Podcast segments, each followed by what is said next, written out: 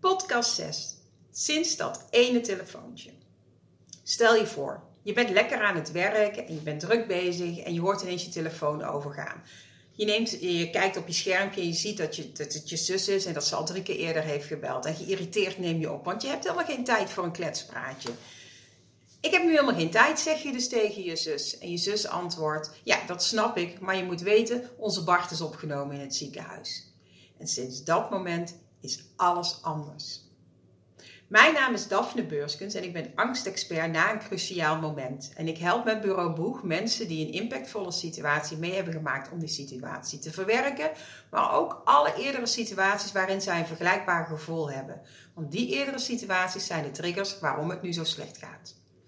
Mijn cliënten omschrijven mij als iemand waar je alles aan kan vertellen en dat doen ze dan ook. Terwijl het helemaal niet hoeft. Bij mij hoef je niet te vertellen over wat je meegemaakt hebt. Want jij weet wat er speelt en jij weet hoe je het best kan verwerken. Ik help je om die situaties te verwerken, waardoor je er geen last meer van hebt en je weer kunt doen wat je wil, altijd wil doen. En in deze podcast neem ik je mee in het verhaal van Inge. Haar zus belde haar dus op om te vertellen dat hun broer Bart opgenomen was in het ziekenhuis. En sinds dat moment was voor haar eigenlijk alles anders. Eh, de zus van Inge vertelde aan haar dat die ochtend hun broer wakker was geworden en dat hij zich helemaal niet goed voelde. En dat gevoel werd maar niet beter en, en, hij bleef zich slecht voelen. En uiteindelijk rond een uur of het middaguur hebben ze gebeld met de arts. Want uh, het ging gewoon niet goed. Zijn vrouw heeft dus gebeld en die zei meteen: Weet je, we lopen geen risico. Er komt nu een ambulance naar jullie toe. En uh, we gaan naar het ziekenhuis of jullie gaan naar het ziekenhuis. Nou, Bart is dus in de ambulance geladen, samen met zijn vrouw is hij naar het ziekenhuis vertrokken. En daar werd hij aan de hartbewaking gelegd en alle toeters en bellen waren aangesloten. Super spannend.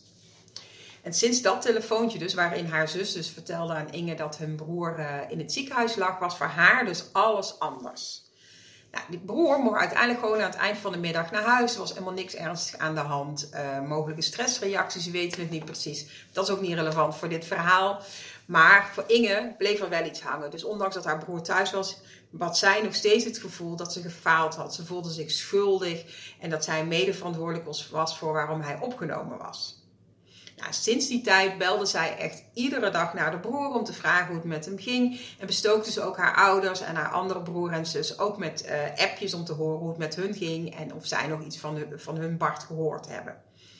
Nou, het geluid van haar telefoon stond dus ook altijd hard en aan. Terwijl ze die vroeger altijd gewoon uit had staan. En s'nachts al helemaal. En s'nachts gingen ze dus nu ook regelmatig, even als ze wakker werd, haar telefoon checken of er geen berichtjes binnen waren gekomen. Nou, je kan je voorstellen dat ze helemaal over uh, gestrest was en over alert was en dat het gewoon helemaal niet meer goed met haar ging. Nou, ze raakte dus steeds meer uitgeput en, en ze was bang dat ze er dus op, op een cruciaal moment voor andere mensen er niet zou zijn, dat ze met zichzelf bezig zou zijn. En zij kende mij via wederzijdse vrienden van ons. Op een feestje hadden ze ontmoet. En uh, ze stuurde me een berichtje van: Goh, um, er is helemaal niet iets ergs gebeurd, hè, want mijn broer leeft nog. Maar ik ben enorm van slag. Zou jij mij eventueel kunnen helpen? Tuurlijk kan ik je helpen. Want ook al is het namelijk geen grote situatie, nou is een impact is best wel impactvol als je broer opgenomen wordt in het ziekenhuis. Maar ook al is er, is, hij, heeft hij het overleefd en denk je eigenlijk verstandelijk, nou het valt wel mee, kan het toch zo zijn dat je lichaam en je geest heel heftig reageert op dat wat er is gebeurd. En dat is helemaal niet gek. Zo werkt, werken onze hersenen en dat doen ze ook supergoed. Want wat er gebeurt is dat je namelijk als je iets meemaakt, wordt er een neurologische verbinding in je hersenen gemaakt van dit moeten we onthouden, dit is handig. En als er dan iets is wat impactvol is, dan komt er ook nog een label bij te hangen van belangrijk alert zijn op deze situatie. Nou, je brein is de hele dag bezig met alles wat hij meemaakt om te checken in het lange termijn geheugen van heb ik dit al een keer meegemaakt en hoe heb ik het toen aangepakt en was hij helpend of was hij niet helpend. In ieder geval, wat is onze manier om om te gaan met deze nieuwe situatie die dus blijkbaar niet zo nieuw is. Nou, wij hebben echt miljarden of miljoenen neurologische verbindingen in ons hoofd. Dus we hebben een heel database aan herinneringen waar ons brein op terug kan vallen. Nou, super handig, zo hoef je ook niet na te denken. Als je gaat lopen, praten, als je uh, rijst kookt bijvoorbeeld. Je hebt het allemaal al een keer meegemaakt en je weet hoe je moet handelen. Nou, nogmaals, als er dus een hele spannende situatie is geweest, dan hangt er dus een label belangrijk op. En je brein checkt altijd eerst de situaties waar een label belangrijk aan zit. Want die denkt, dat, dat, is, belangrijk, dus daar moeten we vooral gaan, uh, naar gaan handelen. Nou, en bij een impactvol moment, zoals bijvoorbeeld deze opname in het ziekenhuis, of dat telefoontje eigenlijk, hè, in het geval van Inge. Ehm, dat gevoel wat zij daarna heeft gehad of op dat moment kreeg, dat heeft ze vast al een keer eerder in haar leven gehad. Dus meteen gaat die neuroloog, dat brein terug naar die situatie, naar die herinnering waarin zij ook dat gevoel heeft gehad. Nou, en dat was in, uh, bij haar natuurlijk ook zo. En dan, dan reageer je dus op de manier zoals je het die allereerste keer ook hebt gedaan. Is niet altijd helpend, maar is wel wat je brein nog weet en hoe die het moet doen. Zo ook bij Inge dus. Uh, die, die schiet ook weer terug in iets wat ze al eerder mee heeft gemaakt. En uh, reageerde eigenlijk weer op de, op de manier die zij toen ook uh, bedacht had of gevoeld had. Nou, um, er is dus iets aan te doen. Dat is misschien goed om te weten. Dus zij hoeft niet voor eeuwig en altijd het schuldgevoel te houden. En altijd maar op de telefoon straks te blijven kijken. En altijd maar over alert te zijn en bang te zijn dat ze er niet is voor de mensen die belangrijk zijn op de momenten dat er iets is. Ehm, dat heeft bij Inge heb, heb, ik, heb ik haar mogen helpen. En dat betekent dat ik jou uiteindelijk ook zou kunnen helpen. Als je denkt van, hé, hey, ik herken dit bij mij. Nou, bij Inge, die is in ieder geval dus bij mij in de, in de praktijk gekomen. En uh, de allereerste afspraak hebben we vooral even stilgestaan bij die situatie met haar broer. Wat het met haar gedaan heeft. Nou, die heeft ze helemaal verwerkt. En na een half uurtje was dat al weg. En toen kwamen we eigenlijk erachter, al pratend en al uh, uh, voelend, dat zij dit schuldgevoel wat zij zo had na deze situatie al lang een keer eerder had gehad. En ze was dat eigenlijk al helemaal vergeten. Zij was na haar eindexamen met haar vriendinnen naar Benidorm op vakantie gegaan. En lekker, uh, weet je wel, vakantie, strandvakantie, een beetje stappen, op het strand liggen, lekker eten, borrelen. Nou, je kent het wel, zon, strand en feestjes. Zo'n vakantie. En um, ze had er echt volop van genoten. En na zes dagen dacht ze van ja, ik moet mijn ouders toch maar eens even bellen om te vertellen dat hier alles goed gaat. Dan zijn zij, hoe zij zich uh, niet ongerust te maken.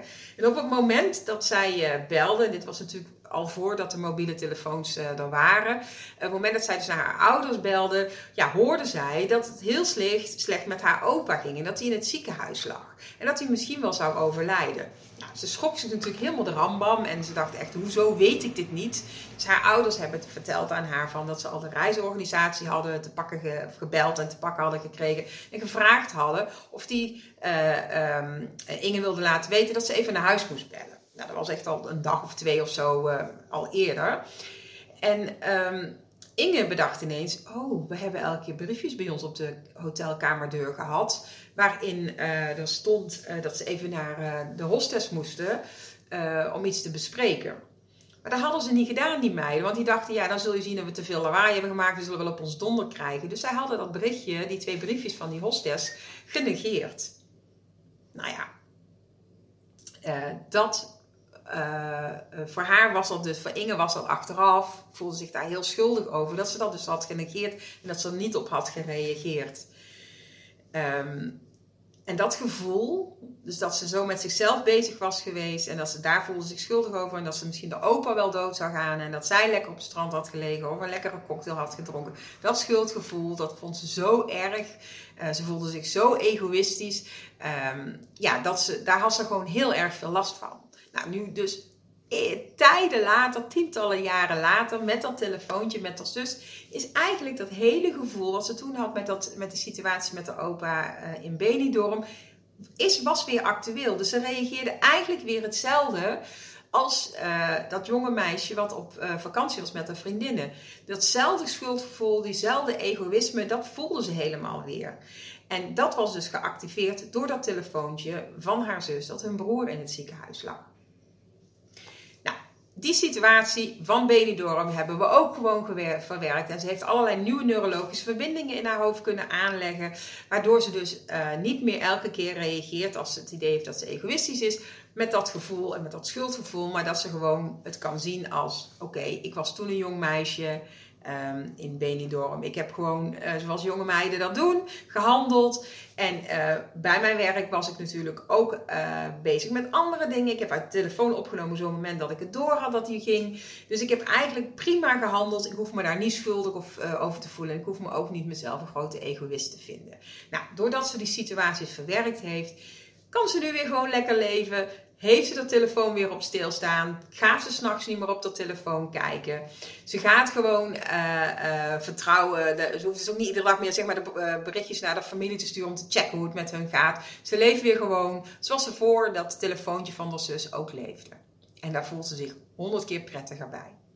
Oh ja, goed om te weten. Haar opa heeft het overleefd. Toen zij thuis kwam uit Benidorm, uh, mocht hij ondertussen van de IC af. En uh, hij heeft nog heel lang uh, geleefd. Dus gelukkig. Nou, en misschien denk jij als jij dit verhaal hoort, oeh, ik herken het eigenlijk wel een beetje dat ik heel erg van slag ben geraakt door iets wat nog niet zo, misschien nog niet zo lang geleden is gebeurd. Dat je denkt, ik vind eigenlijk mijn reactie te heftig voor dat wat er is gebeurd. Of het is gewoon een hele normale reactie, maar je denkt, ik wil in ieder geval, ik merk gewoon dat ik van slag raak door dit verhaal, want het triggert ook iets bij mij. Nou, dat is heel logisch, want wat wij mensen doen, is als iemand een verhaal vertelt, en dat ken je denk ik wel, dan gaan we het altijd langs ons eigen leven leggen en kijken of we het zelf ook al een keertje mee hebben gemaakt. Ik noem maar even de bevallingsverhalen. Iemand vertelt, ik heb een uh, moeilijke bevalling gehad en er komen nog vijf moeilijke bevallingen op tafel uh, als je een aantal dames bij elkaar zet. Zo werkt ons brein. Dus wij checken ook dan, als iemand een verhaal vertelt, checken wij ook van, hebben wij dit al een keer meegemaakt of niet?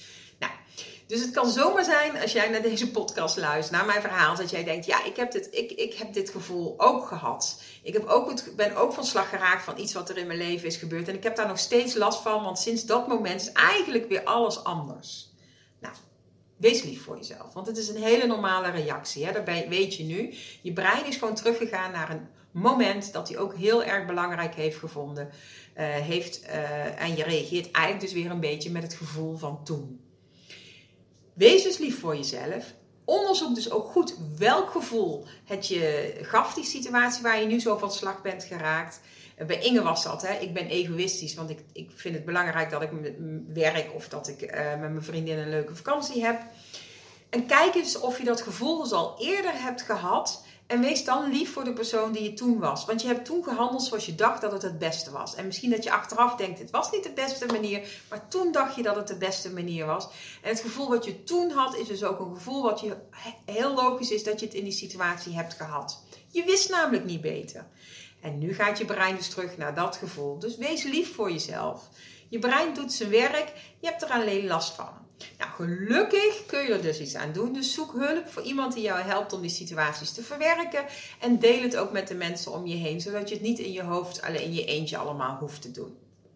Je mag mij altijd een berichtje sturen, daphne.bureauboeg.nl of kijk op mijn website www.bureauboeg.nl uh, voor meer informatie. Uh, en als je een keer wil kennismaken, op mijn website zit uh, kennismaken gratis gesprekknop. Klik erop, dan maken we gewoon een keertje kennis. En dan kan ik je altijd nog wat meenemen in hoe je brein werkt. En dan heb je misschien alweer wat tools om uh, daar beter mee om te gaan. Dankjewel voor het luisteren. Tot de volgende keer en ik wens je een mooie dag toe.